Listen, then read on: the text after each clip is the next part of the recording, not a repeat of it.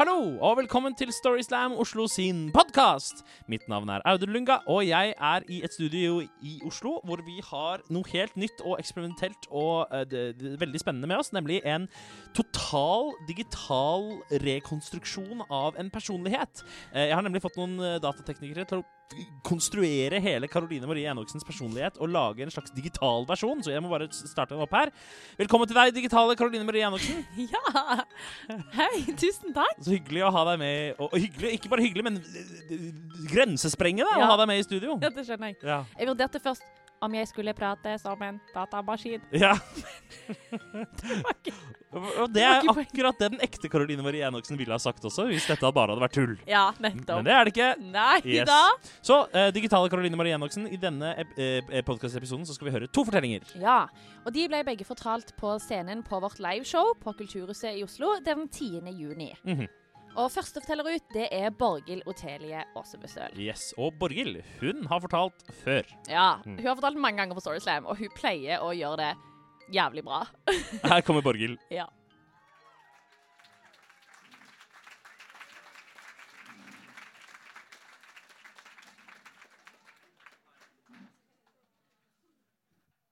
Jeg tror vi alle har dager der det er vanskelig å være voksen. Og for meg er det spesielt når jeg står framfor det grønne huset med de hvite døra, der mamma og pappa bor. For jeg vet at når jeg går inn den døra, så skjer det noe med meg. Det er som en transformasjon. Jeg blir Altså, det, altså det er sånn. Og mamma står i kjøkkenet, og hun gjør et eller annet kjøkkenting. Borghild, nå kan du ta ut av oppvaskmaskinen. Mamma, jeg er opptatt. Borghild, nå sier jeg at du skal ta ut av oppvaskmaskinen. Mamma, ser du ikke at jeg holder på med noe? Ja, hva er det du gjør på den PC-en her som er så viktig? Jeg spiller Sims. Altså, det som skjer med meg når jeg går inn den hvite døra, er at jeg blir Borghild tolv år. Og jeg blir behandla som Borghild tolv år. Og, og, og i fjor sommer så, så akkumulerte det her seg massivt. Altså Vi hadde hatt en fin ferie, og vi skulle liksom siste feriedagen så hadde vi planlagt Vi skulle på konsert, jeg og mamma og pappa, med han Halvdan Sivertsen. Og det skulle bli så bra. Men jeg våkna den morgenen ganske brått. Borghild! Nå må du stå opp, vi skal fære snart! Jeg ser på klokka. Herregud, hun er jo bare halv tolv. Hva er det som feiler? De Nei. Og jeg legger meg godt ned i senga igjen. Og jeg bare Borghild! Nå må du skynde deg! Jeg har pakka sakene dine. Vi går og setter oss i bilen og venter. Og, og her skjer det. Her er punktet. Jeg kjenner at det bygger seg opp fra nederst i tærne. Det er en, en irritasjon, eller, eller det er ikke en irritasjon, det er en trass. Det er ikke engang bare trass, det er et raseri. Det er et gråtkvalt raserimonster, prepubertalt og hormonelt, som sier Hva? Har du pakka min Hvor? Mamma! Du kan jo ikke bare dra rundt og, og pakke med hva? Og av uante grunner så blir jo mamma sur. Hva er det du mener? Altså, Hadde du bare stått opp i god nok tid, så hadde vi vært på vei. Mamma, da! Du kan jo ikke, Jeg vet jo ikke hva jeg har med meg når du pakker min koffert, og vi kan ikke ha det sånn. Jeg er 27 år gammel! Og, og på et eller annet tidspunkt i denne krangelen så, så havna vi inn i bilen. Og mamma hun sitter i passasjersetet framme, og pappa han er sjåfør. Og jeg sitter litt sånn demonstrativt bak. Og vi er så sinte. Det, det sitrer i rommet. Kommer røyk ut av nesene, og det tåkelegges. Og han pappa han sitter så stivt i sjåførsetet som bare en far kan gjøre når ei datter og ei mor er så sint. Og han, han starta opp bilen. Og så rygga han rett inn i den nylakkerte, nypolerte røde BMW-en til kjæresten til søstera mi. Og vi må jo alle ut av bilen for å se! Herregud! Og mamma hun konkluderer fort. Ja, du, du er faen ikke i stand til å kjøre noen bil, nei! Og så plutselig er vi tilbake i bilen. ikke sant? Hun Mamma er i sjåførsetet, og pappa er i sjåførsetet. Jeg sitter bak og er sur. Og de er sinte på hverandre, og jeg er sint på de. Og så blir det stille. Ja, vi skal jo på konsert. Og det er stille. Å, så stille. Og det er stille så lenge, for det er jo nordnorske veier, ikke sant? Så vi tør og vi tør. Og det, det, er fjell og det er fjord, det er himmel og hav. Og det er stille. Og vi kjører i tunnel på tunnel på tunnel. Og i den tredje tunnelen så smeller det. Det smeller så hardt at det rister i bilen. Jeg tror at taket er på vei nedover oss, og mamma hyler. Og før vi vet hva som er hva, så smeller det en gang til bak oss. Denne gangen er det enda hardere. Vi stopper. Vi går ut av bilen. Vi ser at speilet på sjåførsida vår er borte. Og det riper ned hele veien bak. Og bak oss så står det én bil inn i tunnelveggen. Og en annen bil midt i trafikkfeltet. Og det er lys, og det er mørkt, og det er stille.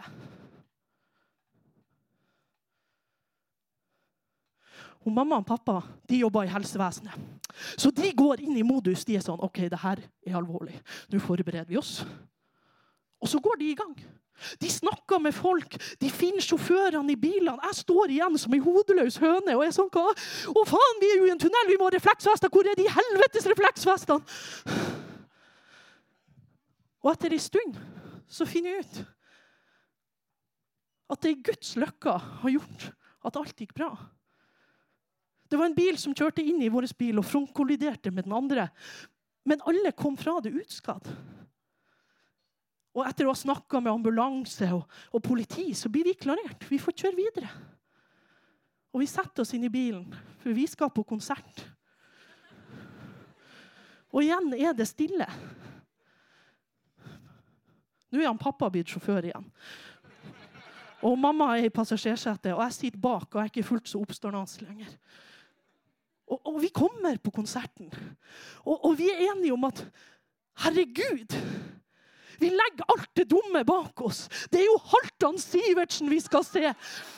Og vi, og vi, drikker vin, og vi holder rundt hverandre, og vi synger 'Hver gang vi møtes, har vi det bra'. Ikke sant, mamma? Ja. Og vi drikker oss full, og vi er så lykkelige som bare far, mor og barn kan være. Åh. Og når konserten er over så drar jeg til Hamarøy. Nei, drar jeg til Oslo. Og mamma de drar til Hamarøy. Og hver gang vi møtes, så, så har vi det bra. Nei vi, vi, vet jo med oss sjøl at neste gang vi møtes, så begynner vi helt på nytt igjen. Og takk for meg.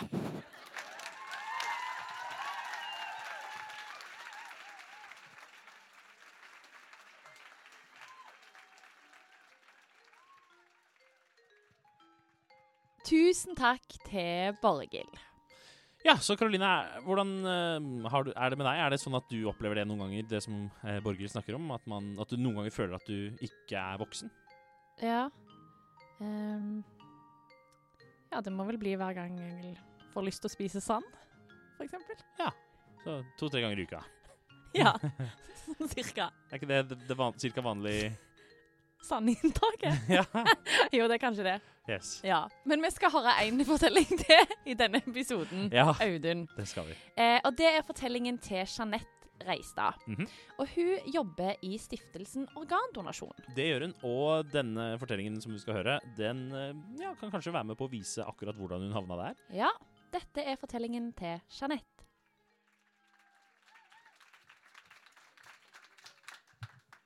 Jeg er nemlig også en sånn person som alltid har sagt at jeg ikke bryr meg om å følge med på sport. Når sannheten egentlig er den at jeg ikke tør å se på sport sammen med andre mennesker. Fordi at altså, Uansett hvem som vinner, så blir jeg altså så ufattelig rørt. Og da snakker jeg ikke om en liten tåre som lurer seg sånn elegant ut av den ene øyekroken, etterfulgt av et sånn lite smil og en sånn god, varm følelse. Nei da. Vi snakker åpne kraner, elveblest og hulke-Tourettes. Men for ca. ti år siden så fikk jeg et ørlite håp om at jeg kanskje kunne bli en del av flokken heie, juble, klemme. Ja, altså sånn som man gjør. Det ble nemlig funnet bevis for at hjertet mitt rett og slett var for stort. Hei! Kult! Det er en diagnose. Kanskje vi er flere? Vi kan starte forening, trykke opp T-skjorter. Det ble aldri noen T-skjorter. Det viste seg nemlig at jeg var født med en veldig sjelden genfeil som førte til en alvorlig hjertesviktsykdom. Og hadde det ikke blitt oppdaget, så hadde jeg mest sannsynlig bare kollapset en dag. Hjertestans. Helt uvitende om at store hjerter kan være noe annet enn en fin metafor.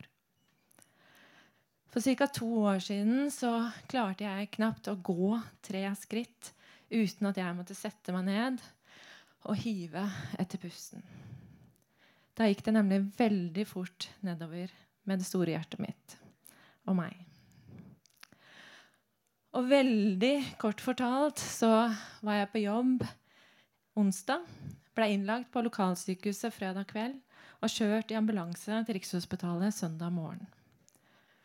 Og da jeg kom dit, så ble det veldig fort klart at jeg sang på aller siste verset eneste mulighet til å overleve nå, det var hjertetransplantasjon. Og De begynner umiddelbart utredningen for om jeg kan settes på den ventelisten for transplantasjon eller ikke. Og Det er altså en omfattende utredning. For ikke bare må jeg være syk nok, jeg må også være frisk nok til å kunne overleve en så stor operasjon og leve et godt liv etterpå. Etter, altså jeg blir skannet fra topp til tå. Og etter ti dager så er de ferdig med alle prøvene, men de venter fortsatt på noen svar. Og jeg får beskjed om at jeg kan vente og få vite om jeg blir satt på den ventelisten eller ikke innen et par dager. Og blir jeg satt på den ventelisten, så er jeg blitt forespeilet en ventetid på tre til seks måneder om jeg er veldig heldig.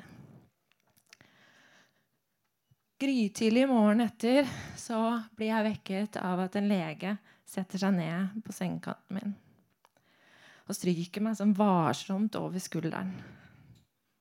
Altså Det lover ikke godt. Jeg visste det, tenkte jeg da. De har funnet kreft. Jeg blir ikke satt på den ventelista. Jeg har bare noen uker, jeg kanskje dager igjen å leve. Jeg må skynde meg å ringe familien og alle vennene mine. Har jeg husket å si til mamma at jeg vil at asken min skal gi næring til et piletre? Jeg må Han avbryter tankene mine og sier med en sånn myk og alvorlig stemme. Jeanette, vi tror vi har funnet et hjerte til deg i natt. Om du vil ha det, så må vi ha deg klar i løpet av halvannen time. Det er på vei hit nå. Jeg vet ikke om det er en drøm, eller om det er virkelig. Men jeg Altså, det er full aksjon på rommet mitt. Sykepleiere som skal ha meg inn i dusjen. Jeg må skrubbes og barberes. Jeg må jo ringe familien og alle vennene mine. Jeg må få noen greier inn i årene. Og jeg har altså ikke tid til å tenke én en eneste tanke før en utålmodig kirurg kommer trillende i full fart på den der sparkesykkelen sin. Peker på klokka og sier 'Jeg sa senest halv ni. Vi begynner å få veldig dårlig tid nå, dere.' Og jeg trilles ut idet mamma kommer løpende inn. Og vi rekker så vidt en klem. Da jeg våknet etter hjertetransplantasjonen og kjente at det nye hjertet allerede hadde blitt en del av meg, så ble jeg umiddelbart grepet av en sånn enorm takknemlighet. For der inne jobbet hjertet som en superhelt i samarbeid med den tapre kroppen min. Og de gjorde det som normale hjerter gjør. Det pumpet blod kraftig og rytmisk. Og jeg gråt. Og jeg gråter fortsatt av takknemlighet når jeg tenker på den personen og den familien som har gitt. De aner ikke hvem jeg er, men de har gitt meg livet i gave. Og ikke bare meg, men potensielt seks andre mennesker i tillegg. For så mange livreddende organer har hver og en av oss. Vi kan redde syv liv etter vår egen død. Jeg gråter også når jeg tenker på vitenskapen og alle de millioner av mennesker som har viet livet sitt til den, til jakten på viten og gjort transplantasjon mulig. Altså, det er så ufattelig mange mennesker som har vært med på å redde mitt lille liv. Og det gjør verden både vakker og magisk for meg. Og hva skal jeg si? Tusen takk. Altså Ord, det vil aldri bli nok. Det beste jeg kan gjøre, det er å gi hjertet mitt et så godt hjem som overhodet mulig. Og jeg skjemmer det ordentlig bort. skal dere vite. Altså, det får så mye havregryn og grønnkål og smertefull intervalltrening det bare vil. Men først og fremst så har jeg blitt ordentlig god til å lytte til det. Og dere skal vite det at når det der laget med de røde draktene vant den der fotballkampen som var her for et par helger siden, så satt jeg der i all offentlighet med elveblesten og hulketouretten midt i flokken min og jublet. Takk.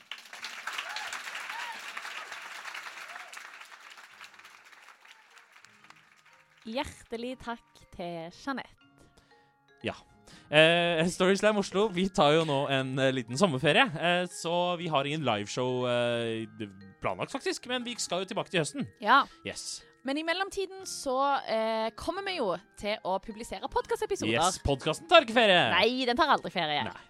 Så den kommer med ujevne mellomrom. Kanskje litt mer ujevne mellomrom enn vanligvis, Hvis til og med. mulig enda mer ujevne enn Enda mer vanlig. ujevne mellomrom. Ja, altså den kommer Når du minst venter det, så ligger det en ny episode Yes. i. Du må Fin. se deg bak skulderen hver dag. ja, Fordi plutselig, før du vet ordet av det, så er det kommet en ny podkast fra Storyslam Oslo. riktig. Yes. Og med det så vil vi benytte anledningen til å ønske alle sammen en riktig god sommer. Ikke spis for mye sand. Nei, og meld deg som organdonor. Yes. Ha det bra! Ha det bra! Da tar vi sommerferie. Ja. OK. Uh, yes. Jeg må skynde meg litt. jeg. Em, har, du, har du skoene mine fortsatt? Hvor la du dem? Ja?